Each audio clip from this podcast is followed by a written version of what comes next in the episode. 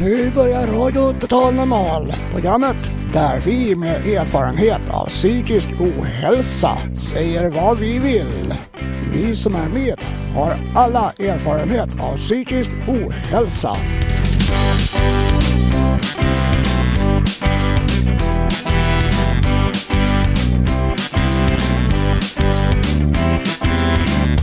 Du lyssnar på Radio Total Normal 101,1 MHz. Totalt normalt. Radio Total Normal. Torsdagar från två till halv fyra. Vi livesänder med publik från Götgatan 38 i Stockholm. Kom hit och lyssna. Här är alla röster lika värda.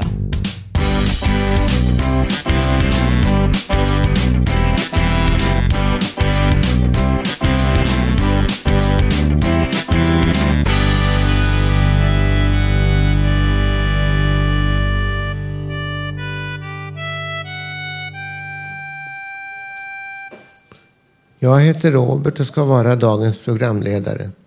Jag sitter i matsalen på Fountain House där vi sänder ifrån. Kaffet står färdigbryggt, publiken är bänkad och vi ser fram emot ett innehållsrikt program.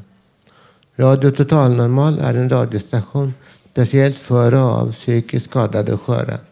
Radio Total Normal är viktigt för att vi som grupp inte har synts eller märkts förut och vi hoppas att vi genom detta program ska få visa lite av den värld som är vår vardag och vardag.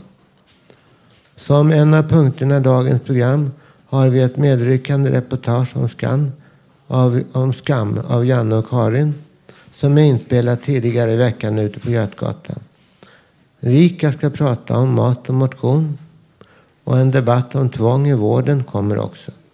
Exempelvis anser Janne att ett visst mått av tvång kan vara av godo. Detta och mycket mer kommer vi under dagens program få lyssna på. Så stanna gärna kvar och lyssna på oss. Tack.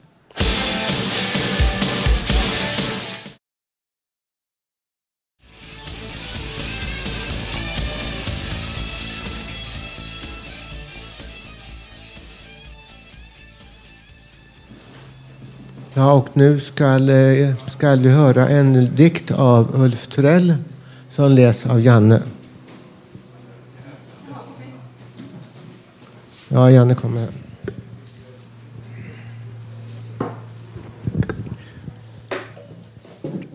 Ursäkta. Idag är fredag juli. Maj var vår.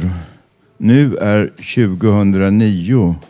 Jag bor i Hammarbyhöjden. Sov fler nätter. Vakna morgon. Rest. Arbetar. Igår var torsdag. Mor morgnar är ljusa.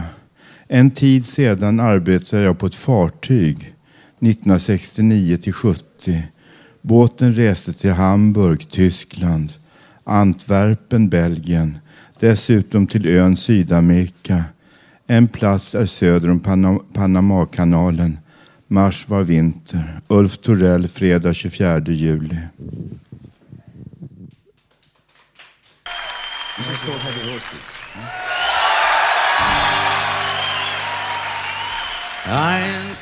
Feather feet.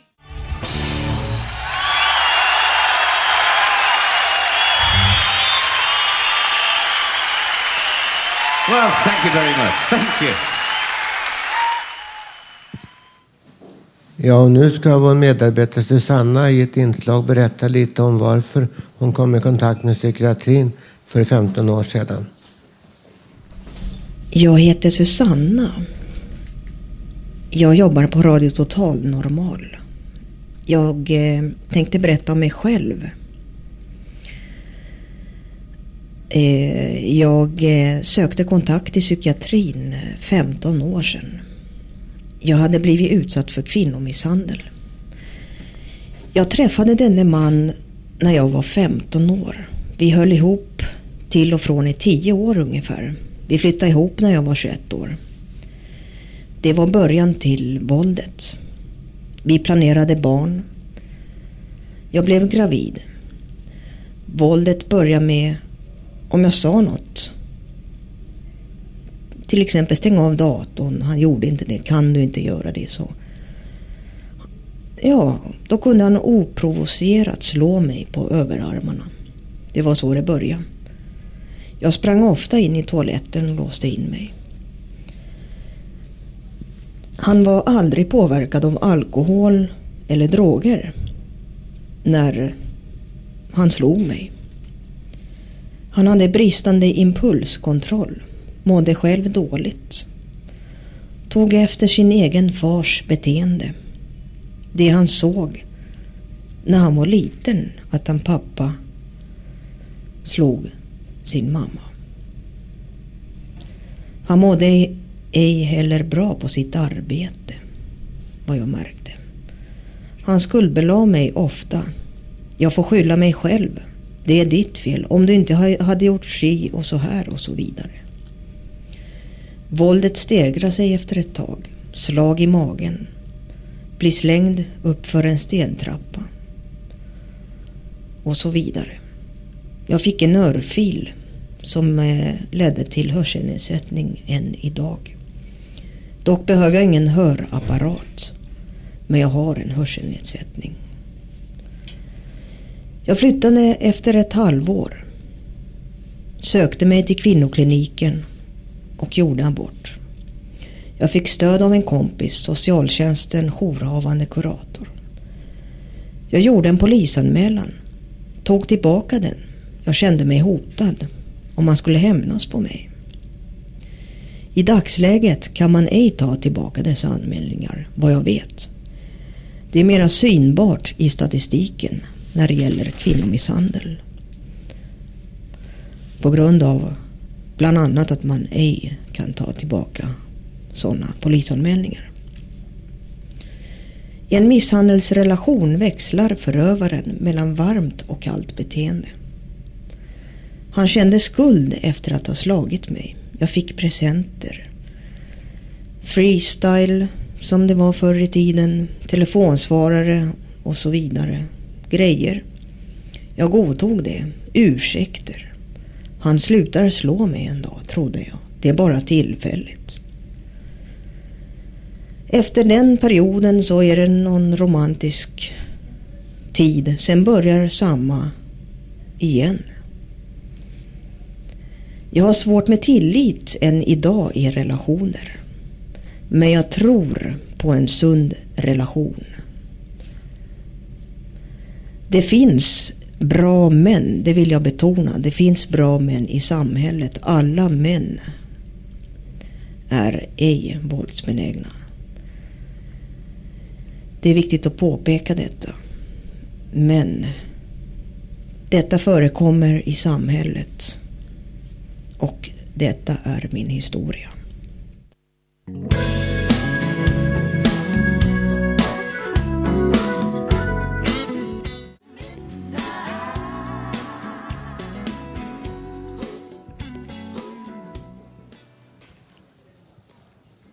Ja, nu ska Susanna leda en publikdiskussion om sitt tidigare ämne som vi hade som förra inslag, före låten här.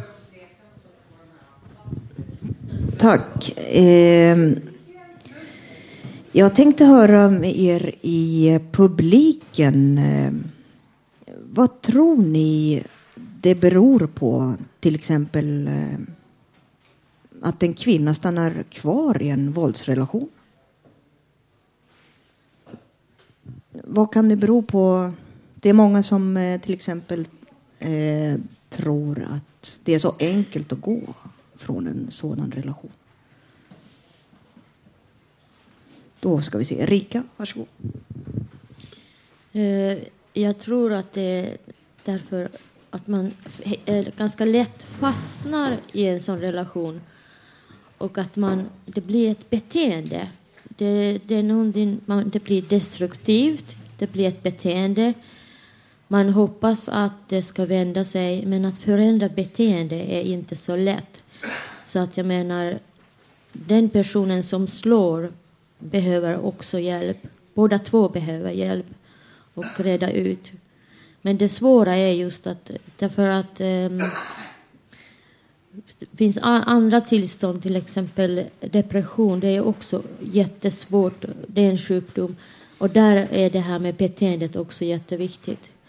Så att man kan bli liksom, eh, det blir lite som ett fängelse egentligen. Det här med beteendet.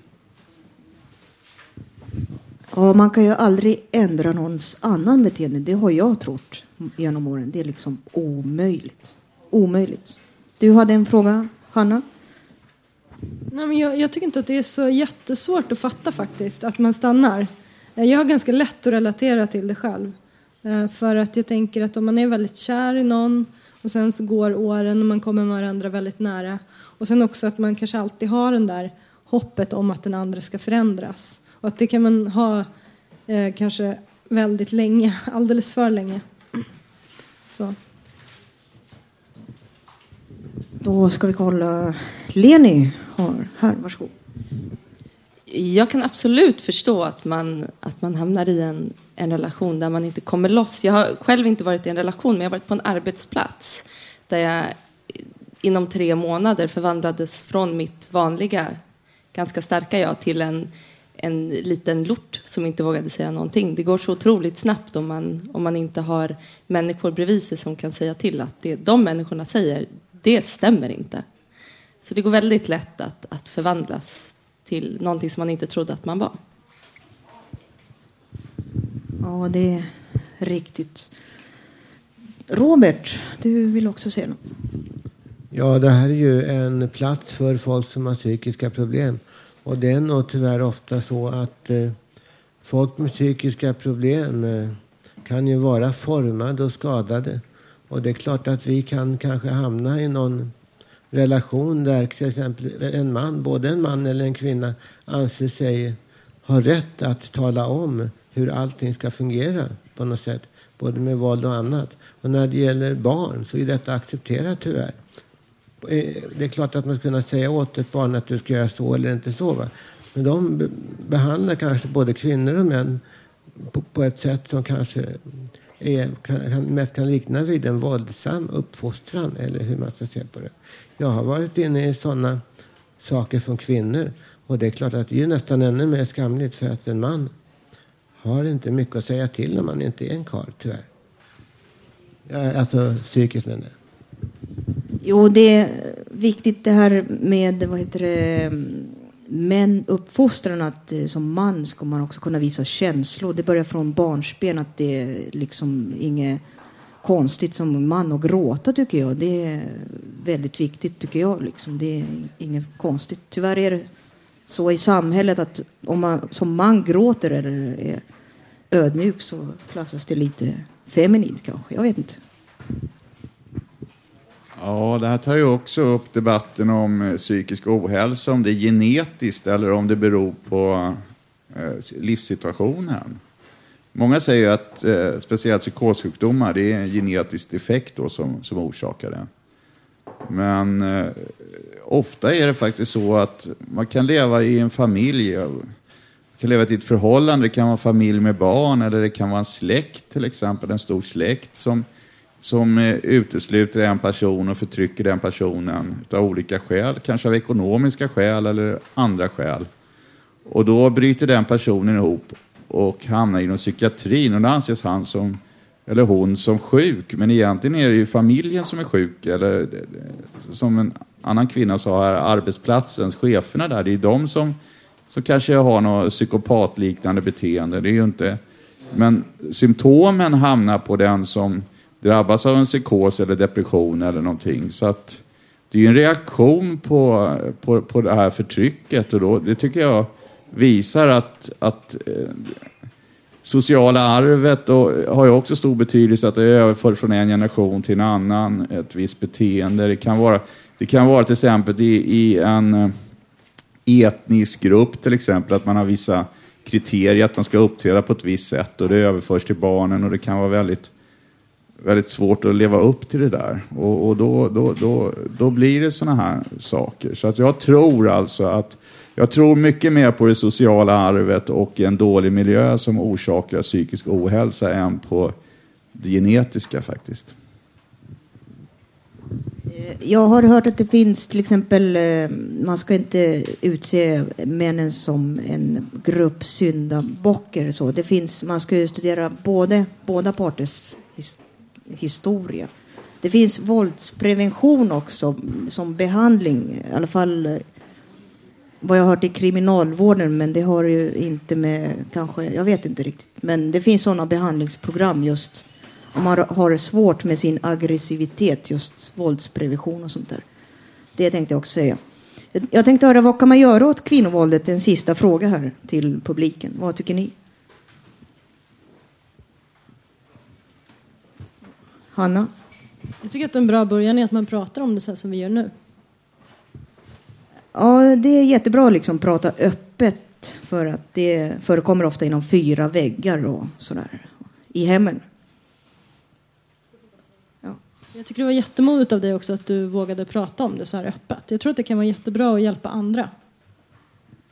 Ja, det har, jag skulle inte ha gjort det när jag var dålig. Jag började en utbildning då 98. Jag hade en kurskamrat som var utsatt. Jag tänkte, hur fasen vågar hon berätta? Jag, nej, det, det, det är en individuell process när man vill prata om det. Så. Jo då, då är vi klara, nästan rika. Ja, det värsta är det precis som Hanna säger att Eh, det är en sak som vi måste prata och prata och prata och agera också. Det värsta är tystnaden. Därför att om mamman till exempel tystnar barnen, om det finns eh, låt oss säga två stycken barn i familjen barnen skadas, barnen blir rädda, de mår väldigt dåligt. Och det kanske blir att barnen mår dåligt, att de, det märks i skolan också och sådana saker. Så det är en ond cirkel hela, hela tiden. Men att lyfta fram och våga prata om det, det, det är jätteviktigt. Ja, precis. Robert? Ja, nu går vi vidare till nästa sak här. Det är en dikt som Karin ska läsa, en dikt av Nils Ja, musik nu, tack.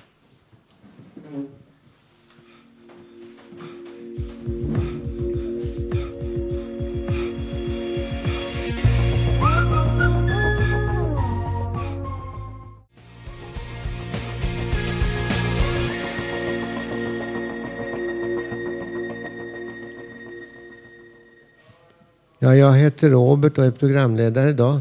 Och nu ska vår medarbetare Karin Lundgren läsa en dikt av Nils Ferlin.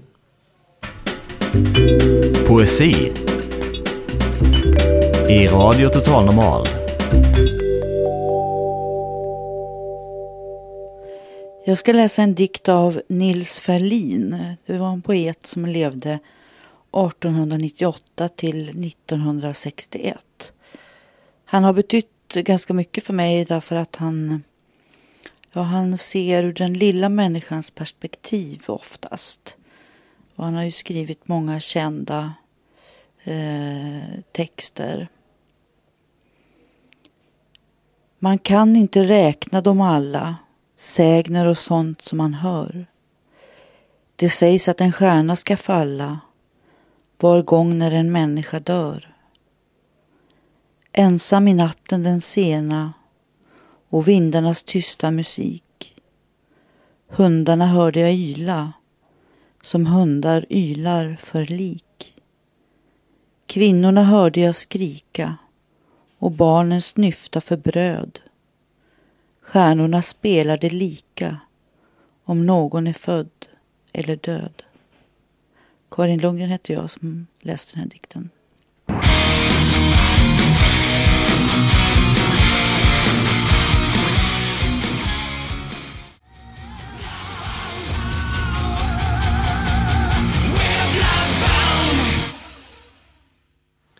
Ja, och nu ska vi ägna oss åt ett känsligt ämne, nämligen skam. Är det skamligt att ha till exempel psykiska problem? Våra reportrar Karin Lundgren och Janne Holmbring har frågat folk på stan. Ursäkta, får jag fråga en sak? Eh, det är en dum fråga att vi kommer med, men vi kan få ett dumt svar. Det går bra det också. Eh, vad är skam för dig? Ja du, det har jag ingen aning om faktiskt. Du kanske inte har någonting att skämmas över helt enkelt. Nej, kanske inte. Hej, ursäkta, får jag ställa en fråga? Okej. Eh, vet du, har du känt skam någon gång? Jävla fråga. Nej. Inte? Hej. Hej, ursäkta, får jag ställa en fråga? Ja. Eh, har du gjort någonting som du har känt skam för någon gång? Nei, ikke, ikke sånn umiddelbart. Inte? Nei. Du då? Nej. Tack. Eh, har du känt skam någon gång? Det är klart att jag har. Vad bra, det gör jag hela varje dag. Okej. Men du, är det skamligt att ha en psykisk sjukdom? Absolut inte. Du är välkommen imorgon till Fountain House som ligger här på Götgatan 38. Så, Fountain House är en världsomspännande rörelse som har fungerat sedan 1947. Och den har ju inneburit för mig personligen en rehabilitering som verkligen fungerar. Jag känner mig nästan helt frisk just nu. Jag har varit sjuk sedan jag var 17-18. Jag insjuknade. Vi jobbar inom psykiatrin. Gör ni det? Men- Med men- Fontänhuset. Ja men vad kul! Det var, var någonstans jobbar ni då? Eh, Rättspsykiatrin i Malmö. Jaha, men det, rättspsykiatri har vi sluppit du också va? Det ska man vara glad för. Varför är det så skamligt med psykiska problem? Något gammalt som hänger kvar sen, sen gamla tider. Att det har inte blivit riktigt rumsrent nu och man är nog väldigt rädd som person. Både som personal och patient tror jag. Ja, Man vill ju skydda sig själv. som personal hoppas jag och tror att alla känner att det inte det kan hända vem som helst. Man har absolut inga garantier för att man är förskonad från någonting sådant. Och precis som man kan få blindtarmsinflammation så kan man få en depression eller någonting sådant. Men det är nog lite sådär hysch-hysch runt psykiatrin och man kanske känner att det är väldigt intimt. Man vill inte öppna upp sig hur som helst. Och sticka ut har väl alltid varit udda i alla, alla tider också. Ja, men, ja. Jag menar just det här med, med, med, med, med psykisk sjukdom. Det är ju kanske också att man, att, man, att man ser saker på olika vis och då, och då framstår man som lite udda. Och då blir, blir det konstigt av den anledningen och, och ytterligare pålägg på skamkänslor som, som precis som min kollega säger här att, att det har funnits i, i alla tider. Men nu håller vi på att arbeta bort de här fördomarna och om det så ska vara det sista jag gör i mitt liv ska jag få bort de här fördomarna. Jag har gett mig 17 på. Det tycker vi låter jättebra. Jag säger ju inte till andra till exempel att jag har psykiska problem. Nej, det behöver man inte gå och tala Sjukhus. Det har inget med att göra. Det behöver man inte gå och tala om för varenda människa. Nej, det är inget skamligt. Vad fan, folk blir ju sjuka på andra sätt. Och... Ursäkta, får jag ställa en fråga? Får jag ställa en fråga? Jo, eh, dum fråga. Det är en jättedum fråga så att slå mig inte på käften. Eh, eh, eh, har du känt skam någon gång? Ja, väldigt sällan, men det har hänt. Tur för dig, då har du bra. Här kommer Kristina. Kristina, får jag ställa, dig en, eh, ställa en kort fråga till dig? Har du känt skam någon gång? Ja, det har väl hänt att jag har gjort. Är det skamligt att ha en psykisk sjukdom? Nej, det är inte skamligt. Hur ska vi få bort fördomarna mot psykiska sjukdomar? Ut och prata mer om det. Vad bra, tack så mycket då. Jo, det är ju så här att jag anser inte att man ska behöva skämmas över ett, en sjukdom, ett handikapp. Va? Anser du det Karin? Nej, men det, är, det värsta tycker jag det är att folk tror att man är farlig. Ja, det är det värsta att man går misstänker någon människa för någonting som den människan aldrig skulle kunna göra. Det är ju farliga saker. Vi ska ha bort den här skamstämpeln du och jag. Om det är det sista du och jag ska göra ska vi för fan ha bort skamstämpeln på en sjukdom, sjukdomar. Ja, ja, men det tummar vi på. Vi tummar på Ja, det. det gör Ja, vi. tummar på.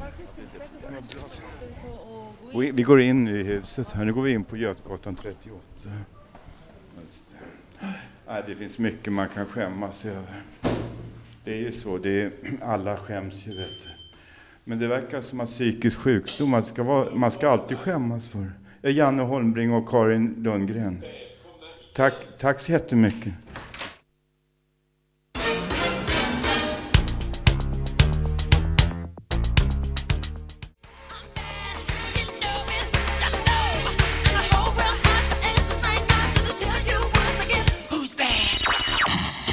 Radio Total Normal 101,1 torsdagar 14 till 15.30 totalt normalt. Ja, nu kommer vi till en andra publikdiskussion, denna gång om skam. Och det, här ska Janne hjälpa till igen. Tack. Ja, jag skulle vilja fråga i publiken här om ni har känt skam. Och jag, jag anser att de som verkligen ska känna skam i den här världen, det är de som ljuger och förtalar oss psykiskt sjuka och som vill på något sätt att vi ska skämmas över våra sjukdomar. Nu lämnar jag ordet öppet här till publiken. Varsågoda. Jag går här och till en kamrat Yngve här. Varsågod, Varsågod Yngve. Ja, det kan ju vara lite grann så att desto mer makt och desto mer inflytande i samhället man har, desto mindre skam känner man. Man får nästan den känslan när man ser rubriker på tidningar. Så förtryckta människor och, och sådana som, som har svårt att hävda sig. Och, och, ja, de, de, de får känna mer skam än, än de som verkligen förtjänar det.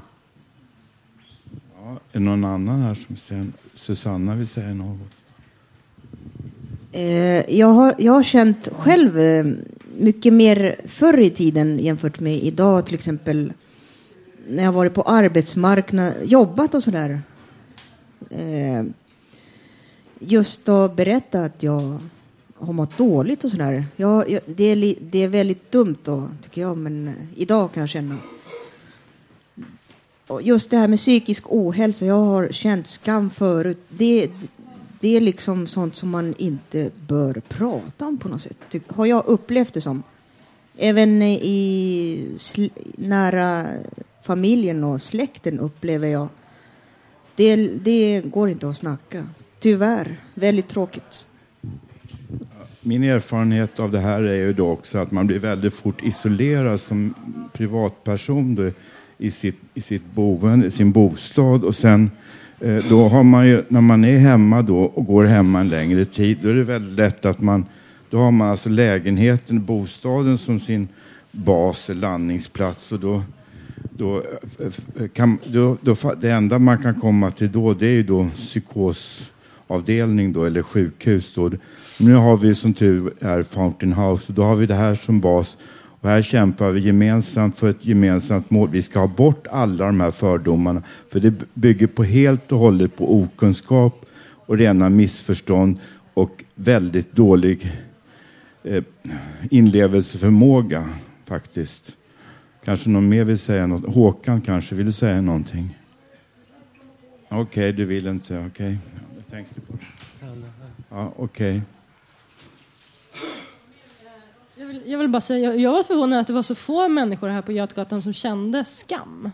Jag tycker att det var lite konstigt att det var så få. Vad tror, du, vad tror du att det beror på? Ja, det är väl skamligt att svara på den frågan. Man vill väl inte lämna ut sig själv, det kanske är så. Men eh, det, det tycker jag är en styrka att göra det. För man, eh, jag har ingenting att skämmas över egentligen. Eh, Det har gjort saker, har skett under psykoser. Va? Och det är samma sak som att andra människor, andra sjukdomar. Och det finns ju neurologiska sjukdomar, folk som har Parkinson som sitter och skakar med, liksom, kan inte vara stilla och så vidare. Varför då ska vi inte kunna få känna oss eh, hedrade att vi eh, att vi bär vårt lidande med heder, som en patient sa till mig. Bär ditt lidande med heder. Det tycker jag vi ska göra allesammans här. Varsågod. Jag ska intervjua nu en annan person. Jo, jag tror nog att de som har någon typ av skam, att de förtränger det. Att de skäms att eh, tala om det. Speciellt om det är någon anhörig som gör rent slump. hör Va? Har han hållit på med det där? Att det skulle vara en chock. Att de vill undvika den här chocken. Ja, jag tycker det. Nu har vi vår kära Pride-festival här i Stockholm och nu om alla homosexuella, bisexuella och transpersonligheter ska få eh, komma fram, varför ska då inte vi som är en, eh, lika, ja, en ännu större grupp människor, cirka en procent av världens befolkning, cirka 60 miljoner människor då har någon form av psykossjukdom då, och andra psykiska sjukdomar. Varför ska vi då stå tillbaka för det här då? Ja, det, vi måste ju få ha våra rättigheter också som alla andra människor, grupper av människor. Ja, vi får nog gå vidare här nu. Eller ja.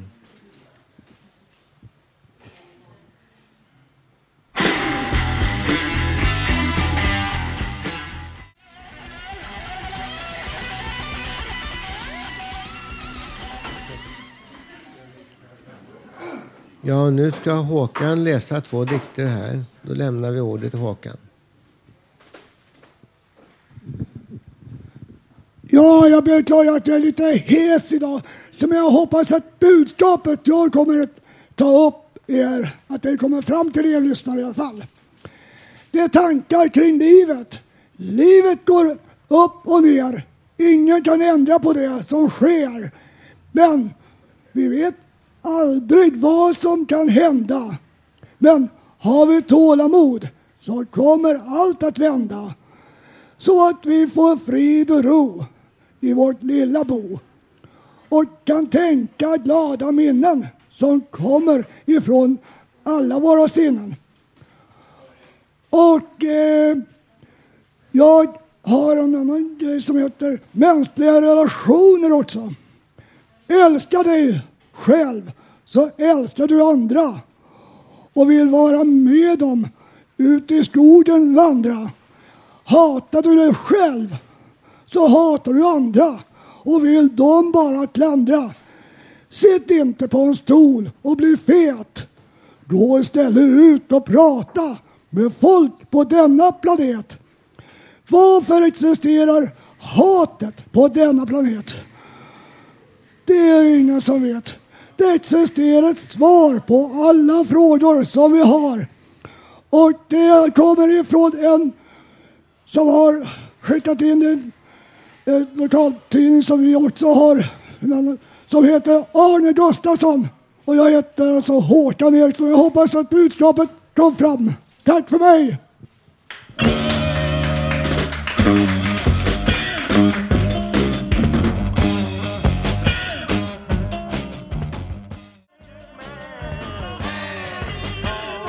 Lyssna på Radio Total Normal på webben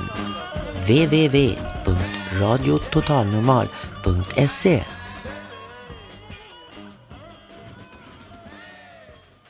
Och nu ska Janne leda en uh, ny en, eh, ha ett inlägg om skam i vården. Om skam, tack. Det är om tvång i vården. Men det kan man kalla också.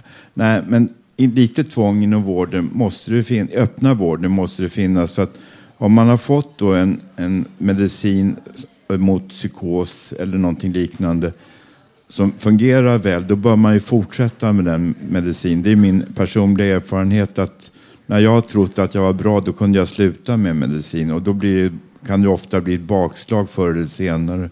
Det kan gå ganska fort och mina psykoser har så att jag långsamt sjunker in i min psykos att jag omärkligt rätt börjar gå omkring och vandra på stan. Jag kan gå jag utflykter och jag kan hitta på allt möjligt och gå där jag inte har varit. Och allt möjligt sånt där. Och sen slutar det till slut med att jag hamnar på sjukhus igen, då, psyket. Och nu undrar jag om det är någon annan som har en liknande erfarenhet av det här, att, att man sjunker väldigt omärkligt in i en psykos fast man, man märker inte av det själv.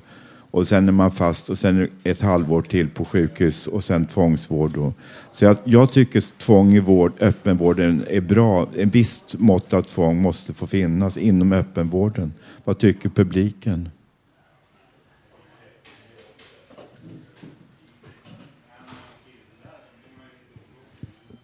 Ja, sådana här eh, psykostillstånd, det, det tror jag faktiskt. Jag, jag tycker på samma sätt som Janne.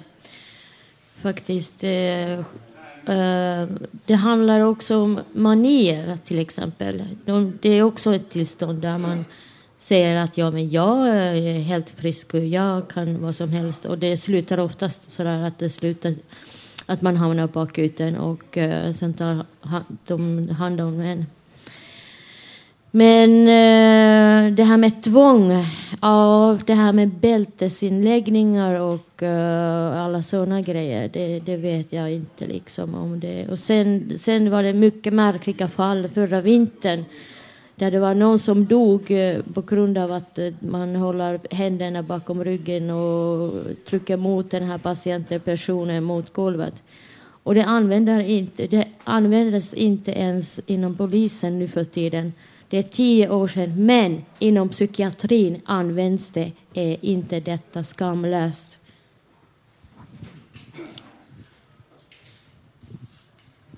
Jag tänkte ta upp lite grann eh, vad som händer. En psykos kan vara det att man känner sig jagad av myndigheter fast myndigheterna inte jagar en. Och när man har en mani så tror man att man har konto hos Gud och kan handla hur mycket som helst. Det behöver inte vara allvarliga saker än så. Men det som är viktigt är att man får en insikt om det här och, och gå, får en terapi. Jag tror inte att, att mediciner kan eh, bota, utan det är att man, man lär sig de här mekanismerna när det här beteendet börjar och varför man blir rädd för myndigheter och polisen eller varför man blir eh, börjar handla i, i alla affärer och, och sådär och köper upp alla sina pengar och, och, och sådana saker. Att man, att man liksom får en insikt om det. Ja, det, är, det, det är svårt att det är svårt att lyssna på det eftersom terapeuten då talar om massa otrevliga saker som, som, som inte är så roliga att höra för, för den som går i terapin. Och då vill man inte ta åt sig det där och, och då, då kan man inte göra någonting åt det utan då blir man hänvisad till mediciner och, och sådana här saker. Och när det gäller tvångsvård då, så om man, om man har gått i terapi och desto mer man vet, desto mer kan man undvika det. Men tyvärr i dagens läge så är det så att inom psykiatrin så låter man folk gå och, och handla upp alla sina pengar eller eh, eh, skällt ner eh, myndigheter det för att de har jagat den eller någon sån här saker. Så att det går så långt så att, att eh, man samlar på sig så mycket anmälningar på grund av sånt här. Att man bråkar med sina grannar och så vidare, anklagar dem för att eh, ringa till polisen eller till, till socialen och anmäla en och sådär. Man kanske eh, tror att folk anmäler en för, för att man inte städar ordentligt och sådana saker. Och då blir det så många anmälningar till slut så att personen blir ordentligt inlagd och det tar lång tid innan personen kommer ut. Så att det är nog bra. Det här, jag tror att ni är ute lite grann efter att man, att man ska stoppa det här beteendet så att man, får, så att man inte hamnar i den här fruktansvärda situationen när en psykisk funktionshindrade ställs inför att vara en månad eller längre på, på, en, på, på inlåst. Att, att man löser det här på, på ett bra sätt, det tror jag är viktigt. Jo, som det är nu. Jag tog upp tidigare program om sexualitet bland annat och sexuellt utnyttjande av, av barn och vuxna. Jag anser att de som begår den typen av brott ska inte sättas in i fängelse som det är idag. Då ska det kombineras med att de får samtalsterapi och gärna även konfronteras med den personen som har blivit utsatt så han eller hon kan säga precis hur hon upplevde det. Som kanske inte har vågat säga nej, inte orkat och inte fått det stödet som hon borde ha. Eller han. Så varför? För att sätta in dem i fängelse, det hjälper ju inte individen. Det är ju nästan värre för dem. Det är bättre att de får hjälp och stöd för att bli av med den istället. Jag håller med Håkan på den, på den punkten. Det hjälper inte med straff på människor som är sjuka eller har ett sjukt beteende. Kanske återgå till en... Ja. Okej, eh, Leni. Jag undrar varför man slutar ta sin medicin när man har erfarenhet av att blivit inlagd eller till och med kanske tvångsinlagd. Varför slutar man med sin medicin när man känner sig friskare? Det undrar jag. Någon som vill svara på frågan kanske? Varför folk slutar med sin medicin är att långvarig användning av till exempel neuroleptika orsakar obotliga hjärnskador i många fall. Det kan kännas precis som man eh, pumpar klipulver i blodomloppet som man inte kan sitta still utan skakar som ett asplöv. Och det är ofta att patienter får för mycket medicin, att, att läkarna skriver ut frikostigt. Det ska vara ytterst små doser och, och samtalsterapi så man blir av med det här. Det finns faktiskt många människor som, som faktiskt kan sluta med sin medicin efter terapi. Men liksom att, att göra så här och, och, och orsaka sådana här saker. Man kan också få neurologiska skador så att att, att man inte kan hålla upp sitt huvud och så vidare. Så att det är fruktansvärt starka mediciner som, som, som kan ge biologiska eh, skador som inte kan återgå. Därför vill naturligtvis inte folk ha medicinen. Då är min fråga här då, om det överhuvudtaget finns några eh, skickliga eh, terapeuter, psykoterapeuter, psykologer, psykiatriker som kan ge oss de här samtalsterapierna. För att vad jag upplevt är att eh, det vill de inte göra. De vill inte ge oss våra samtal, samtalsstöd, för de vill inte att vi ska bli friska. Vi ska vara nedtryckta av psykiatrin. Ja, jag håller med delvis. Jag, jag tänker inte så svart och vitt liksom. Det finns väldigt mycket fördomar också i, eh, mot psykiskt sjuka inom psykiatrin, tro eller ej. Men det är faktiskt så. Och sen en sak till, det här med att man slutar, det var Lenny som frågade om att man slutar med mediciner. Jag tror att det handlar helt enkelt om sjukdomsinstinkt. Alla har inte liksom, det är en, en första del av sjukdomen är det här liksom att man slutar ta medicin och sådana saker. Men sen säger jag också liksom att medicinerna, det är bara en liten del. De löser inte de stora problemen. Det är samtal.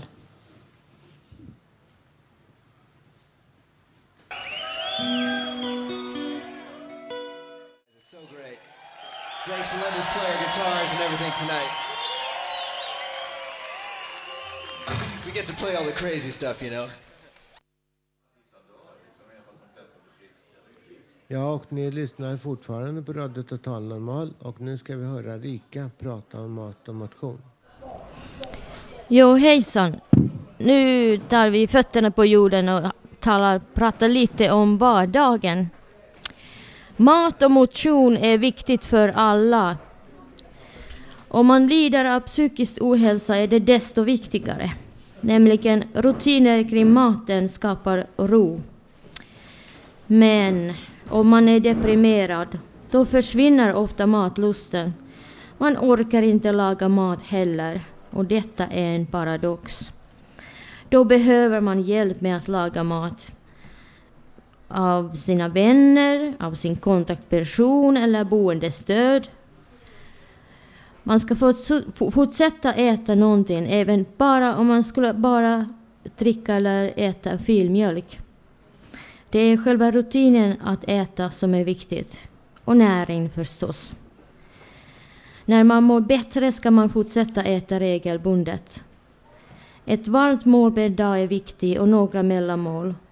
Många säger också att frukost är bra. Det är individuellt tycker jag. Många med psykisk ohälsa äter medicin. Och därför är det viktigt att man äter mycket grönsaker, frukt och bär och annars också hälsosamt. Och det är egentligen det är ju viktigt för alla. Man ska variera med maten. Grönsaker kan man äta varje dag som sallad eller bara som de är. Tomatklyftor bredvid mattallriken. Det är bättre än ingenting. Alltså, för mycket hämtmat, pizza och så, det är inte så bra. Och man kan lära sig laga mat. Det är klart att man kan äta pizza, men inte varje dag. Sallader kan man göra med alla grönsaker och du får mycket vitaminer, och mineraler. Det går också gott med olika sallader. Sallad och dressing är bra början eller slut för en måltid. Maten är livsviktig i vår vardag. Och maten ger, tro eller ej, men det ger balans i vardagen. Man säger att maten och sova är viktiga saker. Enkel sanning, gammal sanning, men det är sant. Sömnbrist eller ingen matlust skapar obalans i livet. Människan är ganska sårbar när det gäller dessa rutiner. För att den deprimerade ska återhämta sig behöver man dessa matrutiner definitivt. Också motionen kan hjälpa. Man ska promenera minst en halvtimme per dag. Nästan alla gillar att träna någonting. Själv tycker jag om att simma. Man kan cykla, promenera, gå på gym. Man kan öva qigong eller tai chi. Man kan träna ensam eller i grupp. Här är det också viktigt med motivation och det är inte alltid så lätt. Men om man hittar någonting som man kan träna eller gillar att träna, då är det bara att köra igång. Bara att man går, på, går och promenerar är också bra. Mat och motion är viktiga delar i vårt liv. Och vi kan påverka hur vi lever och äter, motionerar, mera än vi tror.